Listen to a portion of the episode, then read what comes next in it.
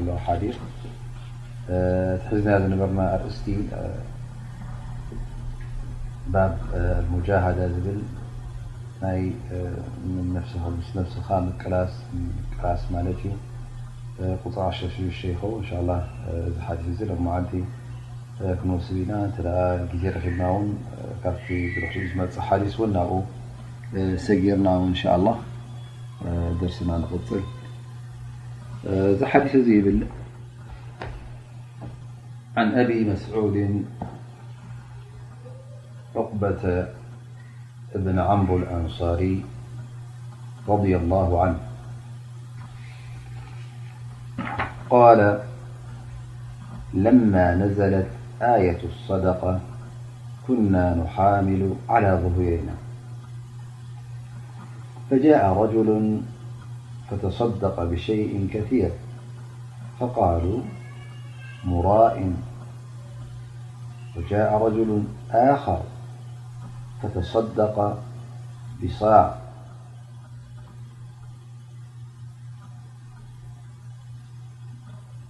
فقالوا إن الله لغني عن صاع هذا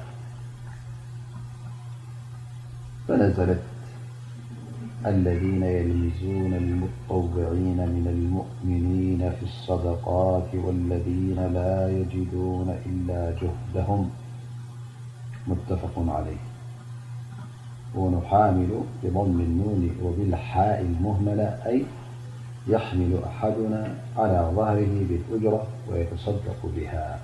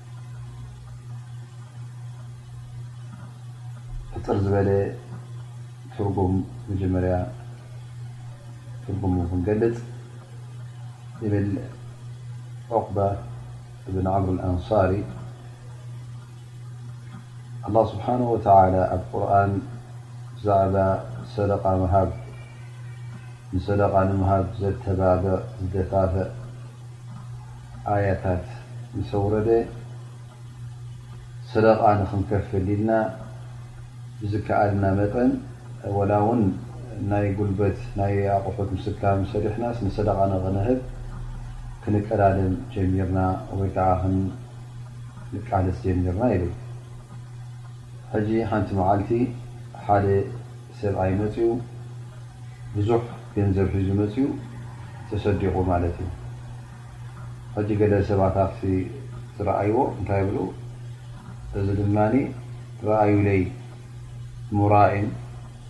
ናይ ርኣዩለይ ስራሕ ስሪሑ ኢሎም ተዛሪቦም ማለት እዩ ካልኣይ መፅኦ ከዓ ሓንቲ ስፍሪ ትኸውን ከም ሓንቲ ርብዒት ንበሉ ወይከዓ ዳርጋ ክልተ ኪሎም ፈረቓ ሰለስተ ኪሎ ትኸውን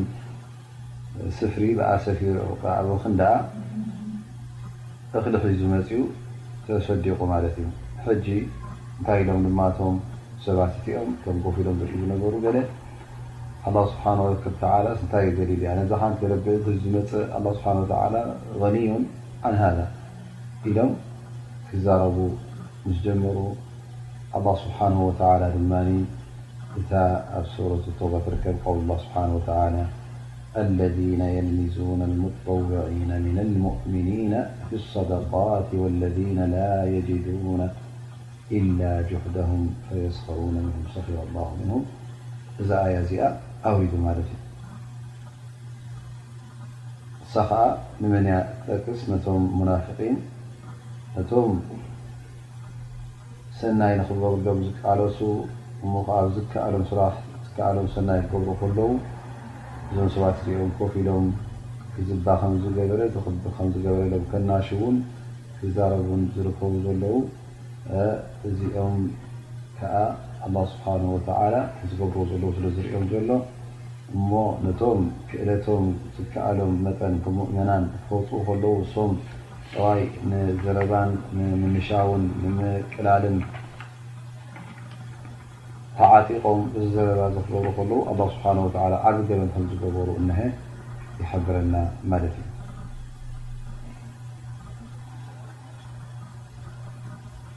እዚ ብሕፅር ዝበለ ትርጉም ናይ ዝሓዲስ ዝኸውን ከሎ እንሻ ላ ኣብቲ ሰፊሕ ትንትና ኣቡ መስዑድ ዑቅበተ እብን ዓምር ኣልኣንሳሪ ዝበሃል ሓደ ካብቶም ብፆት ነቢና ሙሓመድ ስለ ላ ለ ሰለም እዩ ነይሩ እሞ ከዓ እቲ ስራሓት ናይቶም ሰሓበት ነቢ ቶም ብፆት ነቢና ሓመድ ስ ሰለም ሓደ ዓይነት ትእዛዝ ክመፅእ እንከሎ ከመይ ገይሮም ነዚ ትእዛዝ እዚ ይቐበልዎ ከም ዝነበሩ እሞ ከዓ ኣብ ግብሪ ከመይ ገይሮም የውዕልዎ ከም ዝነበሩ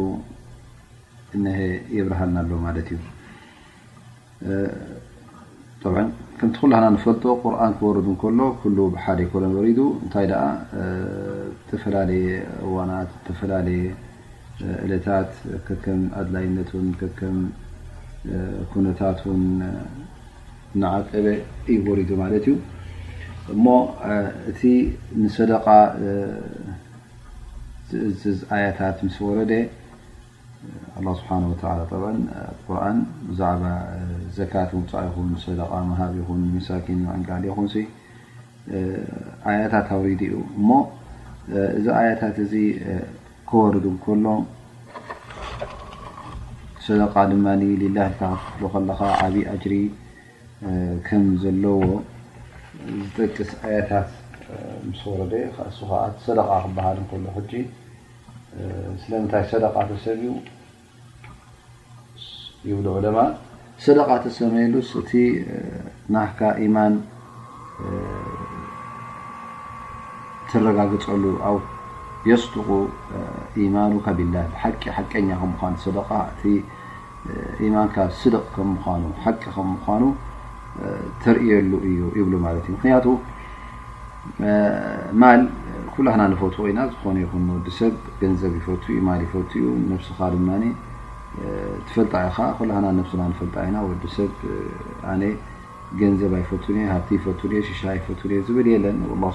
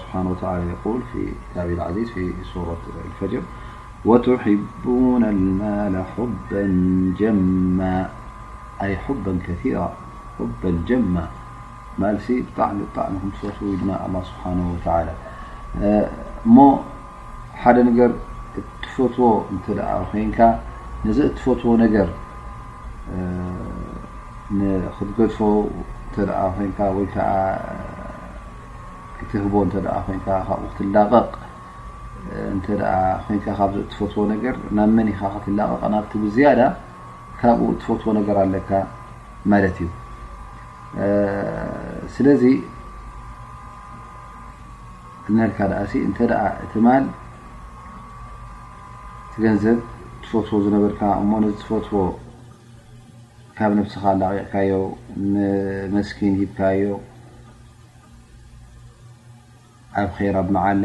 ኣውዒልካዮ ካብዚ ማል እዚ እትፈትዎ ነገር ስለ ዝደለኻ ኢኻ ወህዋ ሪዳ ላህ ስብሓነሁ ወተዓላ ሪዳ ላህ ስብሓነሁ ወተዓላ እዩ ንጎይታ ንኣላ ስብሓን ወተላ ስለ ዝፈተኻ ንኣላ ስብሓን ወተላ ስለ ክትህብ ከለኻስ ካልእ ዝሓሰብካዮ ነገር ወይ ከዓ ካብኡ ዝያዳ እትፈትዎ ነገር ምእንት ኢልካ ኢኻ ነዚ እትፈትዎ ዘለኻ ናብቲ ዝያዳ እትፈትዎ ንኸሕልፈካ ኢልካ ኢኻ ትፍፅም ዘለኻ ስለዚ እቲ ኢማንካ ናይ ብሓቂ ከም ምዃኑ ንኸተረጋግጽ፣ ኣላህ ስብሓነሁ ወተዓላ ትእዛዙ ኣብ ግብሪ ንኸተውዕል ብዝያዳ ከም ትፈቱ፣ ፍቕሪ ኣላህ፣ ፍቶት ኣላህ ስብሓነሁ ወተዓላ፣ ሪዳ ናይ ረቢ፣ ናይ ጎይታ፣ ደሊኻ ኢኻ። ሕጂ ብሓቂ ነዚ ስለ ዝደለኻ ኢኻ ነቲ እትፈትዎ ነገር ሊላህ ኢልካ ተውጽኦ ዘለኻ ማለት እዩ። ስለዚ እቶም ብጾት ነቢና ሙሓመድ ሰለላሁ ዓለይሂ ወሰለም እውን ከምዚ ዓይነት ሓቀኛ ኢማን ዱልዱል ኢማን ስለ ዝነበሮም እቲ ትእዛዝ ናይ ሰደቓ ምስ ሰምዑ ሰደቓ ምስዳቕ ኣጅሪ ዘለዎ ዓቢ ከም ምዃኑ ምስ ተነገሩ ነቲ ሰናይ ተግባር ዝኾነ ሰደቓ ንምሃብ ክቀላጠፉን ክጓየዩን ክቀዳደሙን ዝከኣሎም ስራሕ ወይ ከዓ ዝከኣሎም ስራሕ ዝያዳ እናሰርሑ ብዝከኣሎም መጠን ነዚ ነገር እዚ ከተግብሩ ተረኪቦም ማለት እዩ ከምቲ ኩላህና ንፈልጦ እውን ኩሉ ግዜ ዝኾነ ይኹን ትእዛዝ ክመፅእ ከሎ ጥራይ ናብ ናይ ሰደቃ ኣይኮነ እንታይ ዝኾነ ይኹን ዓይነት ትእዛዝ ክመፅእ ከሎ ሰሓበት ነቢ ስለ ላ ሰለም ብፆት ነቢና ሙሓመድ ስለ ላ ሰለም ኩሉ ግዜ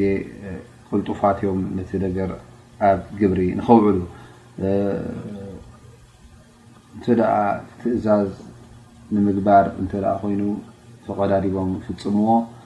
እቲ መፅኢ ዘሎ ትእዛዝ ን መጠንቀቕታ እተ ኮይኑ ካብ ሕማቕ ነገራት ካብ ሓራም ዝኾኑ ነገራት ዘጠንቀቕ እተ ኮይኖም ውን ተጓዮም ተቐላጢፎም ካብኡ ይረሕቁ ነሮም ማለት እዩ ንኣብነት ኣላ ስብሓን ወተላ መስተ ሓራም ከም ምዃኑ ኣያታት ምስ ኣውረደ እንታይ እዮም ገይሮም እዞም ብፆት ነቢና ሙሓመድ ስ ሰለም ገለ ሰባት እናሰተይዎ ከለዉ ኣብ ገዝኦም ተቐሚጡ ነይሩ እሞ ከዓ ካብኡ እና ሰተዩ ከለዉ እዚ ኣያ እዚ ምስ ወረደ እቲ ኣብ ኢዶም ዝነበረ መስተ ከፍስስዎ ጀሚሮም ማለት እዩ ኣብኡ ከለዉ ምስ ሰምዑ እቲ ኣያታት ን ቁርን ካብ ኣላ ስብሓን ወተላ ወሪዱ መስተ ከምሪ ዝሕርም ምስ ተባሃሉ እንታይ እዮም ክገብሩ ጀሚሮም ተጓዮም ነቲ ኣብ ኢዶም ዝነበረ መስተ ውን ኣፍሲሶሞ ማለት እዩ እቲ ኣቐሚጦሞ ዝነበሩ እቲ ኣብ ገዝኦም ጠቢቆም ይኹኑ ወይ ከዓ ሓቲሞም ኣቐሚጦሞ ዝነበሩ እዚ ኩሉ ኣውፂኦም ሕጂ ኣብ ጎደና ኣፍሲሶሞ መዲና ንገዛእ ርእሳ ኣብቲ ግዜ እቲ ብመስተ ዓለቕልቕ ኢላ ማለት እዩ በቲ ዝፈሰሰ እቲ ጎደናታት ጨቅዩ ማለት እዩ ስለዚ እዚ ከዓ እቲ ግቡእ ዝኾነ ይኹን ሙእሚን ተባሃለ እስላማይሲ እንተ ሓደ ነገር ትእዛዝ ካብ ኣላህ ስብሓን ወተዓላ ተመሓላሊፉ ካብ ነቢ ሙሓመድ ካብ ረሱል እንተ ተመሓላሊፉስ ሰጋእ መጋእ ከይበለ ተቐላጢፉ ተጎያዩ ነዚ ትእዛዝ እዚ ኣብ ግብሪ ከውዕል ኣለዎ እቲ መጠንቀቕታ ዝሰምዑ መጠንቀቕታ እውን ካብኡ ክጥንቀቕ ኣለዎ ማለት እዩ እዚ ሲፋ ወይ ከዓ ሓደ ኣስላማይ ዝኾነ ይኹን ኣስላማይ ክገብሮ ዝግባእ ማለት እዩ እቲ እስልምና እንታይ ንገዛእ ርእሱ ኣንተስትስሊማ ሊላ ስብሓን ወተዓላ ንኣላ ስብሓን ወተላ ኢትካ ምሃብ ምስስላም ማለት እዩ ንየማን ተበለካ ንየማን ክትብል ፀጋም ተበለካ ንፀጋም ክትብል ፈፂምካ ካብቲ ዝሓንፀፀልካ መስርዕን ዝሓንፀፀልካ መገድን የማን ፀጋም ከይበልካ ወይከዓ ንሕርሕር ከይበልካ ክትቅፅልን ክትጓዓዝ ኣለካ ማለት እዩ ስለዚ እዞም ብፆት ነቢና ሓመድ ለ ላ ለ ሰለም እቲ ናይ ሰደቃ ኣያታት ምሰምዑ ኩሎም በብሸነኮም በብወገናቶም ሰደቃ ከምፅኡ ጀሚሮም ኩሉ ካብ ገዝኡ ይኹን ካብ ግራቱ ካብ ዝራእቱ ካብ ዘለዎ ኣልኡ እታ ትከኣሎ የቕርብ ነይሩ ማለት እዩ ሕጂ እዚ እናትገብረ ከሎ መቸም ኩሉ እንትበልና ብናቱ በብወገኑ እንዲመፅኡ ሓደ ሰብኣ ይመፅ ማለት እዩ ማሻ ላ ዘይተኣደነማል ሒዙ ገንዘብ መፅኡ ብዙሕ ገንዘብ ሰደቃ ኢሉ ናብቲ መስጊድ ናብ ነቢና ሙሓመድ ሰለላሁ ዓለይሂ ወሰለም መጺኡ ንረሱል ሰለላሁ ዓለይሂ ወሰለም እዚ ሰደቓ እዩ ሊላሂ ኢለ ከውጽኦ ኢሉ ምስ ቀረቦ ማለት እዩ ሕጂ እቶም ኣብቲ ቦታ ዝነበሩ እዞም ሰባት እዚኦም ከዓ ቁኑዓት ኣስላም ኣይኮኑ ነሮም እንታይ ደኣ ሙናፍቂን እዮም ነሮም ሕና ኣስላም ኢና እናበሩ ኣብቲ ውሽጢ እስልምና ኣትዮም ክበላሽዉ ዝሓስቡ ዝነበሩ ወይ ከዓ ኣብቲ እስልምና ክኣትዉ ከለዉ ንናይ ኣዱንያ ጠቕሚ ደልዮም ዝኣተዉ ሰባት እዮም ነሮም ማለት እዩ እዚ ምስ ረኣዩ ሕጂ እንታይ ክብሉ ጀሚሮም ማለት እዩ ነንብሕዶም እስኪ ረኣየ ዝኩ ሕጂ ኣምፅእዎን ዘሎ ዘን ማሉ እዘን ብዙሓት ማልሲ መን ኣይከፈልካን ከይብሎ እዩ መን ሰደቃ ኣይሃብካን ከይብሎ እዩ ረኣዩ ለይ ስምዑ ለይ ኮዩ ገይርዎ ዘሎ ሕጂ ምእታን ሰብ በዓል ሰደቃ እዩ ሰደቃ ይህብ ኢሉ ሰብ ምእንቲ ክዛረብ ኢሎም ከምዚ ኢሎም ክዛረቡ ጀሚሮም ማለት እዩ ሃذ ሙራኢን እነ ሃذ ለሙራኢን እነልካ እዚ ንሮእያ እዩ ዝገብር ዘሎ ረኣዩለይ ስምዑለይ ኢሉ ኢሎም ተዛሪቦም ማለት እዩ ከኣነሁ እቲ ዝገበሮስ ሊላ ኢሉ ኣይገበሮን እንታይ ደኣ ኣብ ቅድሚ ሰብ ንክጋየፀሉን ኣብ ቅድሚ ሰብ ምእንቲ ክብሪ ክረክበሉን ወይከዓ ሽመት ሽም ንክረክበሉ ኢሎም ክዛረቡ ጀሚሮም ማለት እዩ። እዚስ እስከ ሕራይ ከምዚ ገይሮም ብሩእያ እዩ ንሩእያ ኢሎም እሞ እቲ ኣውሒዱ ድመፀ ከንታይ ክብልዎ እዮም ሽዑ እውን ኮፍ ኢሎም ከለዉ ሓደ እውን ውሕድቲ ሰደቃ ሒዙ መፅኡ እታ ትከኣሎ ማለትካ ዝነበረቶ ኣብ ገዝኡ ሓንቲ ርብዒት ትኸውን እዛ ደቤት እዚኣ ስፍሪ እዚኣ እሳ ኣብ ግዜ ነቢና ሙሓመድ ስ ሰለም ዝነበረ ዳርጋ ክልተ ኪሎ ፈረቃን ክሳዕ ንሰለስተ ኪሎ ትቀራረብ ኣብኡታት እያ ማለት እዩ ነዚኣ ሒዙ መፅኡ ኣነ እውን እዚኣ ሂበለኹ ኢሉ ምስ ቀረባ እንታይ ኢሎም ማለት እዩ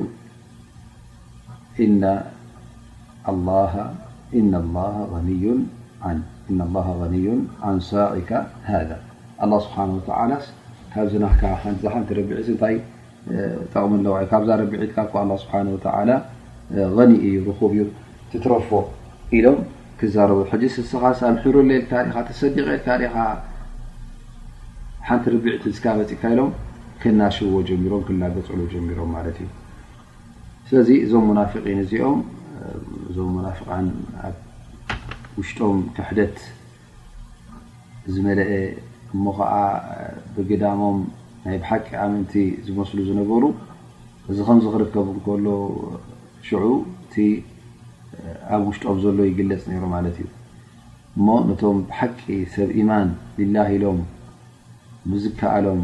መጠን ገንዘብ ይኹን ንብረት ይኹን ማል ይኹን ዝብላዕ ዝስተ ይኹን ሽሻይ ሰደቃ ኢሎም ከቕርቡ ከለዉ ነቲ ኣብዚሑ ዘቕረበ ኣይገደፉ ነቲ ዝከኣሎ ወላ ውን እታ ሒደት ሒዙ ዝመፀ ኣይገደፉ ንኹሎም ከናሽዎም ጀሚሮም ኩሎም እዝስ ንክርእያ ኢሉ እቲ ከኣ ሱቂልካ ዩ ታይ እዘን ቆንጣሮ ሒዙ መፅኡስ ሕጂ ዝተሰዲቀ ክብል ድዩ ኢሎም ከምዚ እናገበሩ እቲ መልሓሶም ኣንፃርቶም ምእመናን ይኸይድ ነይሩ ማለት እዩ ስለዚ እሶም ኩሉ ግዜ ብመልሓሶም ነቶም ሰብ ሓቂ ነቶም ሰብ ኢማን እዮም ዝጎድኡ ነይሮም ማለት እዩ ነቶም ምእመናን ንክፀርፉን ንኸናሽውን ኦም ንክላገፁን ትረኽቦም ማለት እዩ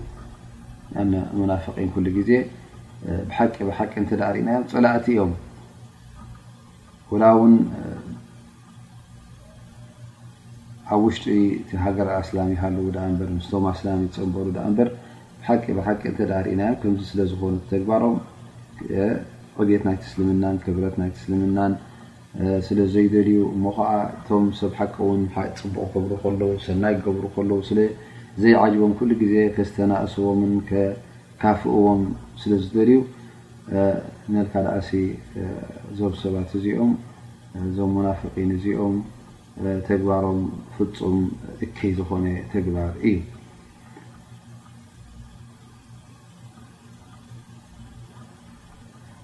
እሞ ደኣ እቲ ሰብ ደኣ እንታይ ክገብር እዩ እንተ ተዝከኣልካ ሒደት ኣምፅእካ ኣይገደፉኻ በዓል ሽሻይ በዓል ርጥቂ ኮይንካ ኣብዚሕካ ተምፅእካ ኣይገድፉኻ እዚ ኩሉ እንታይ እዩ ምእንቲ እቲ ሰብ ር ንኸይገብር ሰናይ ከይገብር ማለት እዩ ዕንቅፋት ይኾኑ ኣለዉ። ጽባሕ ንግሆ ከምዚ ገይሮም እንተ ተላጊጽናሉስ ወይ ከዓ ከምዚ ገይሮም ክላገጽሉ ከለዉ ነቲ ኣብዚሑ ዘምጽእ ዝነበረ ቆንጢሩ ከምጽእ ማለት እዩ ወይ ከዓ ይገድፎ። እቲ ብዝከኣሎ ድማ ወላውን ከም ቁንጣሮ ሒዙ ዝመጽእ ዝነበረ ከምዚ ዓይነት ምልጋጽ ፈሪሁ ምእንቲ ነቲ ሓሲብዎ ዝነበረ ክገድፎ ኢሎም ዝገብርዎ ዝነበሩ እዮም እዚ ከዓ እታይ ዘርእየና ማለት እዩ እቲ ኣብ ልቦም ዘሎ ተፃባእትነት ምስልምና ኣብ ልቦም ዘሎ ፅልእን ቅርሕንትን እዩ ዘርእየና ማለት እዩ ስለዚ እዞም ሙናፍቂን እዚኦም እቶም ዝኸፍኡ ፀላእቲ እስልምና እዮም ምክንያቱ ምሳኹም ኣልና እናበሉ ክገድኡካ ስለ ዝኽእሉ ላ ስብሓን ወተላ እውን እዞም ሰባት እዚኦም እቲ ዝዓበየ እቲ ዝኸበደ መቕጻዕቲ ከም ዘለዎም እውን ሓቢሩና እዩ። ኢነ ልሙናፍቒነ ፊ ደርኪ ልኣስፈሊ ሚነ ናር ኢሉ ናቶም ሙናፍቒን ቦትኦም ኣብ ጀሃነም እቲ ዝተሓተ ቦታ እዩ ኢሉ ኣላህ ስብሓነሁ ወተዓላ ደርክ ልኣስፈል ሓቢሩና እዩ። እዞም ሰባት እዚኦም ውን ኣላ ስብሓን ወተላ እቲ ዝገበርዎ ገበን ዓብዪ ከም ምኳኑ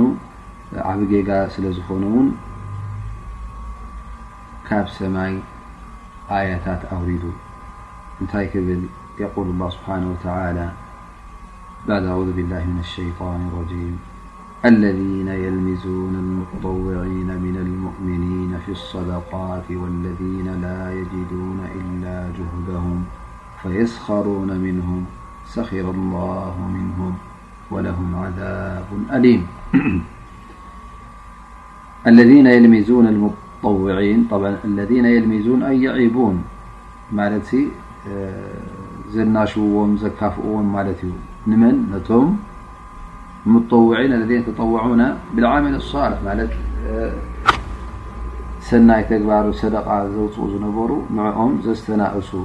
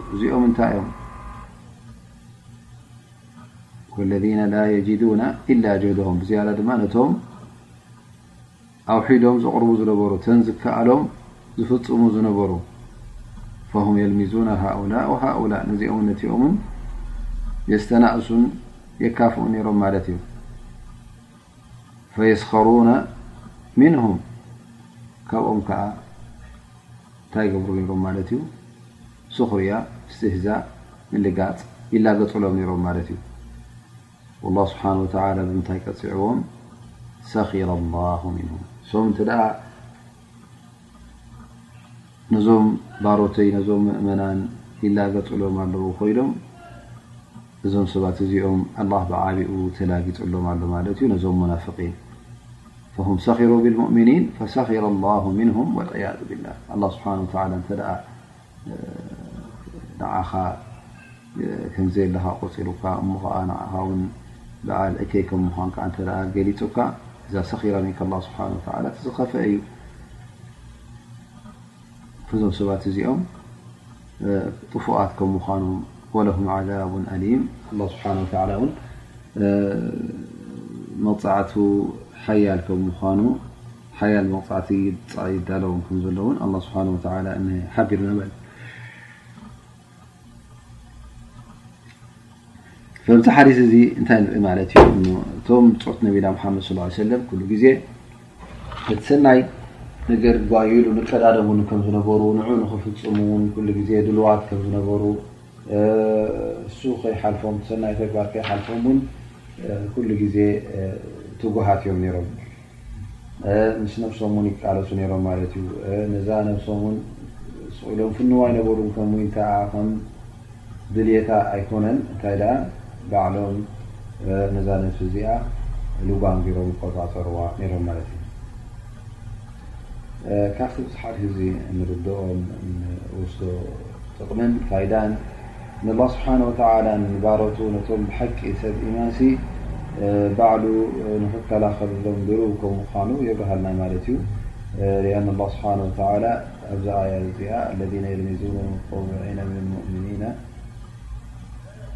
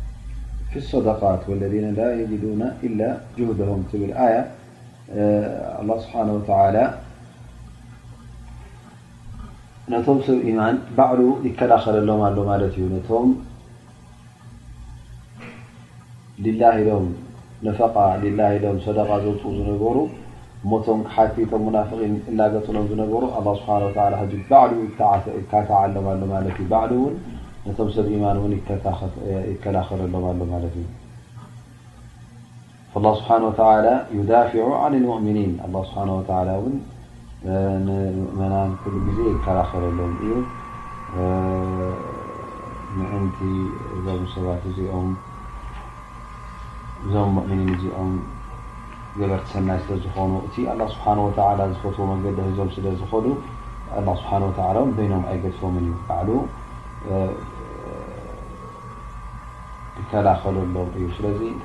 መገዲ ኢማን መገዲ ሓቂ ሕዝካ ትኸይድ ኣለካ ኮይንካ በይነይ ኣለኹ ወይ ከዓ መን ክሕግዘኒ ዩ መን ኣሎ ምሳይ ኢልካስ ቅጭት ክብለካ የብሉን ኣላ ስብሓን ወተላ ኣሎ ምሳኻ ኣላ ስብሓን ወተላ ክሕግዘካ እዩ እሱኡ ደገፍካ ክድግፈካ እዩ ስለዚ ደገፍ ካብ ውሕተት ካብ ኣላ ስብሓን ወተላ ጥራይ ንሱ ከዓ እተ ቅኒዕካ ከትካ ድምስሱ ዝኣዘካ ኣላህ ስብሓን ወተዓላ ባዕሉ ውን ክፍርጀልካ እዩ ካብቲ ምስ ሓዲስ ዝውን ንወስዶ ፋይዳ እቶም ሙናፍቒንሲ ክሳዕ ክንደይ ሓያል ዝኾነ ፅልእን ቅርሕንትን ከምዝነበሮም ማለት እዩ ንመን ነቶም ኣንፃርቶም ሙእምኒን ደሊሉን ዓላ ሽደት ልዓዳዋ ምነ ልሙናፍቂነ ልሙእምኒን ማለት እቶም ሙናፍቒን ብጣዕሚ ውን ኣንጻርቲ ኢማን ኣቃልሶም ሰብ ኢማን ውን ተጊሆም ከም ዝቃለሱ እቲ ጽልእ ናቶም ውን ሓያል ከም ምዃኑ የርእየና ማለት እዩ ሙእምኒን ኩሉ ግዜ ውን ካብዞም ሙናፍቒን እዚኦም ፈጺሞም ናጻ ክወጽኡ ይኽእሉ እዮም እንተ ኣለዉ ኮይኖም ኣይክገድፉኻን እዮም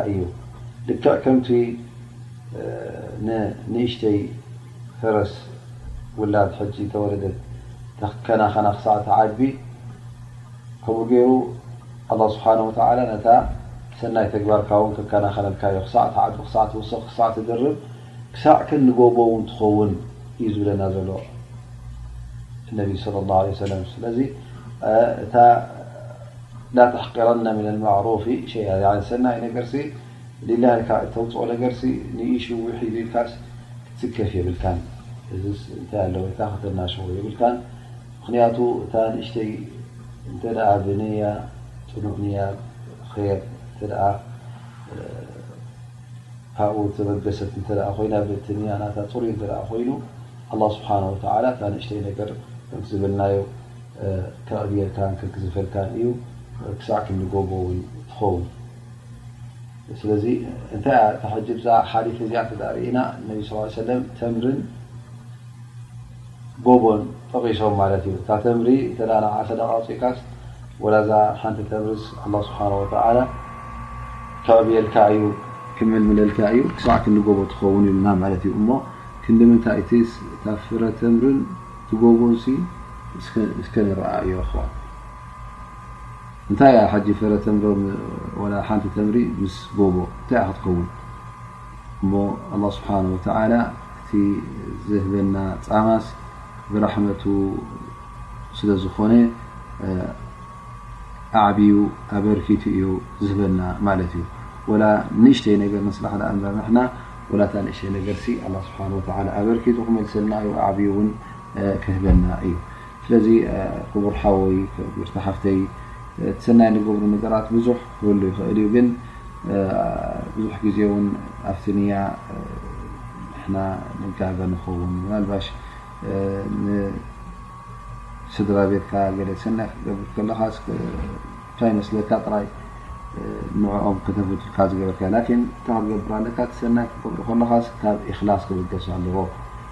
ሊላህ ኢልካ እቲ ኣጅርን እቲ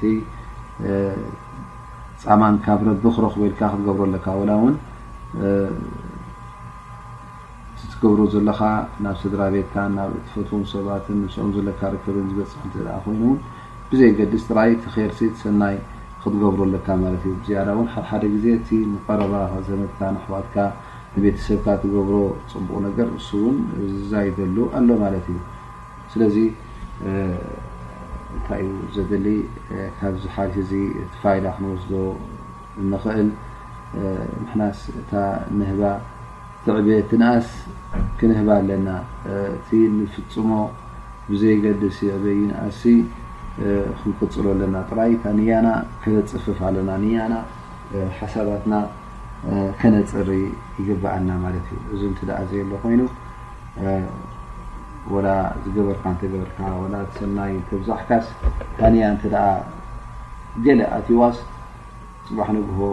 ንዓኻ ጠቃሚት ኣይኮነትን እንታይ ደኣ ጎዳኢት እያ በል ደንፃሩ እቶም መጀመርያ ኣብ ዮም ቅያማ ኣላ ስብሓን ወተላ እሳተ ጀሃንም ብኦም ዘቃፅላ መን እዮም እቲ ቁርን ቀሪኡ ዝዕለም ዝነበረ እሞ ኸኣ ክዕለም ክቐርእ ከሎ ቁርኣን ንምንታይ እዩ ተዓሊሙ ቃሪእ ንኽበሃል በዓል ቁርኣን ቀሪኡ ቁርኣን ሓፊዙ ንኽበሃል በዚኦም ትጅምር ይብለና ነቢ ስለ ላ ሰለም ከምኡ ውን እቲ ሙጃህድ ተባሂሉ ምእንቲ ኣላህ እቃለስ ኣለኹ ኢሉ ንሜዳን ጎልጎል ወሪዱ እሞ ኸዓ ኣብ ኩናት ተሳቲፉ ዝሞተ እዚ ውን እቲ መጀመርያ ንእሳተ ጀሃንም ዝኣቱ ይኸውን ምኽንያቱ እቲ ዝፈፀሞ ናይ ሊላህ ስለ ዘይነበረ ኢኽላስ ስለ ዘይነበሮ እሞ ኸኣ ሕጂ ብዘይ ኢኽላስ ንጀና ንኽኣቱ ምስ መጸ ንመን ኢኻ ጌርካዮ ምስ ተባህለ ንዓኻ ያ ረቢ ገይረ ኢሉ ምስ መለሰ ኣላህ ስብሓነሁ ወተዓላ ድማ ፈጺሙ እዚ ዝገበርካዮ ተግባር ንዓይ ኣይኮነን ንሰብ ንኽበሃለለይ ኢልካ እንዲኻ ጌርካዮ እሞ ኸኣ ተባሂልካ ኸላስ ይኣኽለካ ወሲድካ ኢኻ እታ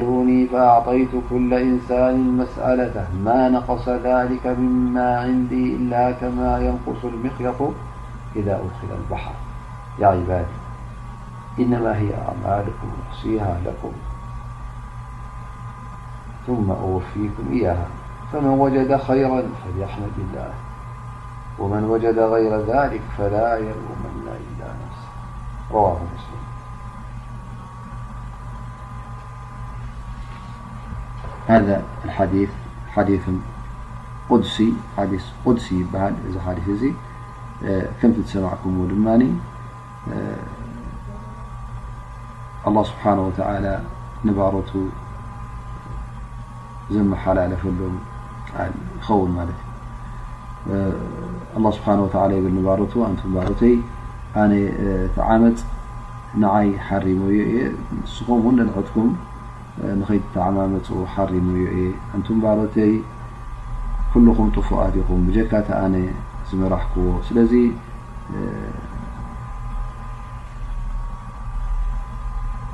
ህዳያ ካባይ ሕተቱ።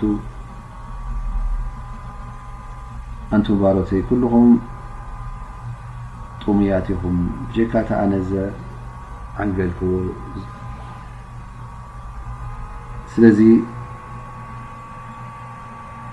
መግቢ ካባይ ሕተቱ ዝብላዕ ነገር ካባይ ጥለቡ ኣነ ውን ክህበኩም እየ ኣንቱም ባሮተይ ኩሉኹም ጥራሕ ነብስኹም ኢኹም ብጀካ እቲ ኣነ ዝኸደንክዎ ስለዚ ክዳን ውን ተኸደኑ ኢሉ እነሀ ኣላህ ስብሓን ወተዓላ ዓሪን ኢላ መን ከሰውቲ ፈስተክሱኒ ክዳን ክኸድነኩም ሲ ካባይ ሕተቱ እቲ ክዳን ክትክደኑ ይብለና ማለት እዩ ስለዚ ካብ መን ትጠልቦ ማለት እዩ ካብ ኣላ ስብሓን ወተላ ኣንቱም ባሮተይ ለይትን መዓልትን ትጋገዩ ኢኹም ኣነ ድማ ኩሉ ዘንብታት ዘቕፍር እየ ስለዚ መቕፊራ ካባይ ሕተቱ ምእንቲ ክምሕረኩም ክቕፍረልኩም ኣንቱም ባሮተይ ንዓይ ንክትጎድኡ ኢልኩም እተ ሓሲብኩም ክትጎድኡኒ ትኽእሉን ኢኹም ክትጠቕሙኒ እተ ሓሲብኩምውን ፈፂምኩም ኣይትጠቕሙንን ኢኹም ካባኹም ፅበዮ ነገር የብለይን ስለዚ እቱም ባሮተይ እቶም ቀዳሞትኩምን እቶም መጨረሻኹምን ደቂ ሰብኩምን ኣጋሪንኩምን ኩልኹም ከም ሓደ ፍራህ ረቢ ከም ሓደ ልቢ ሓደ ሰብ ፍራህ ረቢ ዝፍርሀ ከምኡ እንተ ደኣ ኮንኩምሲ ወላ ሓንቲ ኣብቲ ነግስነተይ ትውስኽዎ ነገር የብልኩምን ማለት ኩልኹም ትኩኣት ፍራሃት ረቢ እንተ ደኣ ኮንኩምሲ ወላ ሓንቲ ኣነስ እንታይ ክውስኽ እዩሞ ዝውስኸኒ የብለይ እቲ ንግስነተይ ንሱ እዩ እቲ ሓይለይ ንሱ እዩ ኩሉ ንትናይ ንሱ እዩ ዶ ኣላ ስብሓን ወተላ ይዛረብ ማለት እዩ ከምኡ ውን ይብል ባዲ ኣንቱም ባሮተይ ቀዳምኩም ቀዳመትኩምን መጨረሻኹምን ጋኒንኩምን ሰብኩምን ኣብ ሓደ ቦታ ተኣኪቦም እንተዝሓቱኒ ኩሎም ነናቶም እንተዝጠልቡ እሞ ከዓ እቲ ዝጠለብዎ ነገር ነናቶም እንተዝቦም ነይረስ ካብቲ ምልከይሲ ወላ ሓንቲ ኣይመጎነከየን ነይሩ ወላ ሓንቲ መጓደለን ነይሩ ክጎድል እንተ ኮይኑ ክንዲታ ሓንቲ መርፍእ ኣምፂእካ ኣብ ባሕሪ ደቕደቕቓ ዘለኻ እተን ሒዛተን ትመፅእ ማይ ክንድኡ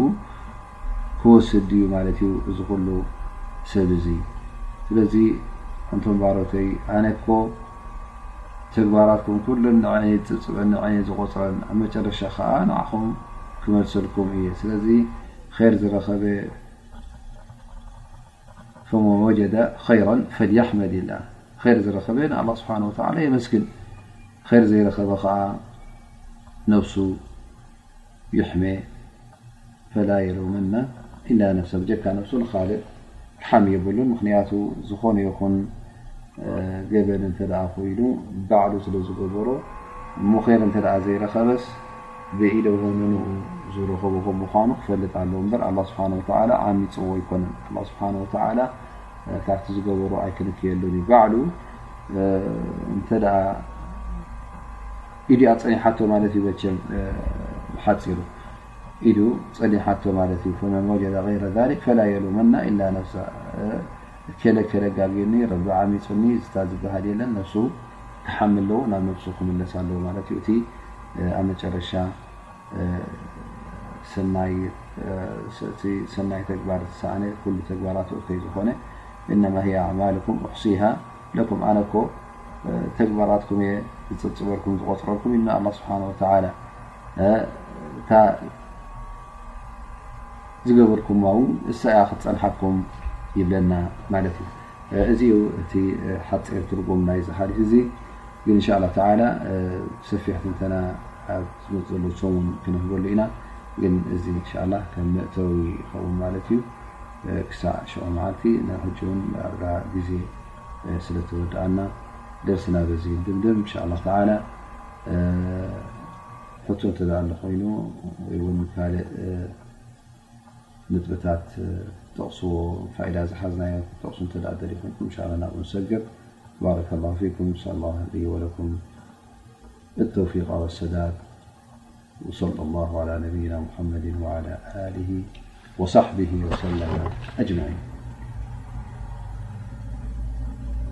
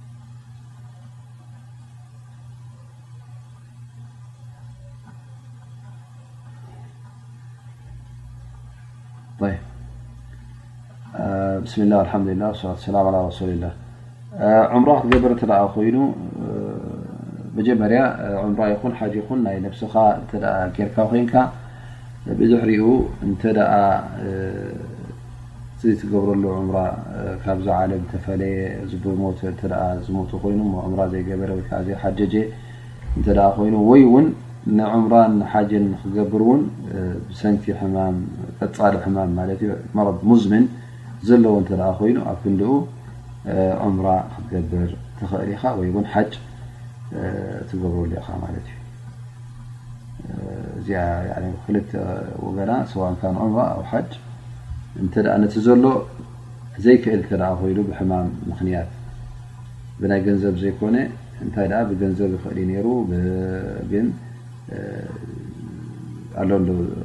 ዘይሓዊ ሕማም ኣብ ዓራት ስለ ዘሎ ክንቀሳቀስ ስለ ዘይክእል ኣብቲ ቦታ ክበፅሕ ንዕምራ ክገብር ዘይክእል እተ ኮይኑ ሰብ እዚ ምናልባሽ ትገብረሉ ማለት እዩ ወይ ከዓ እተ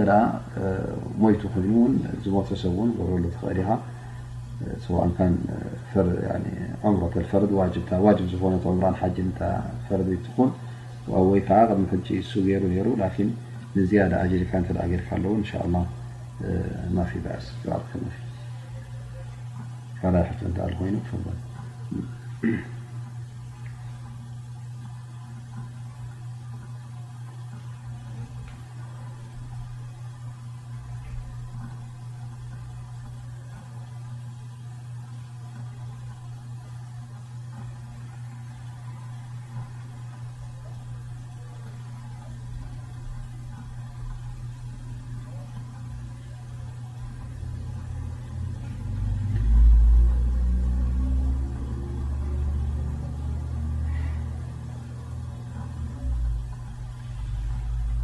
تفضل خالقتزل ياخوان فل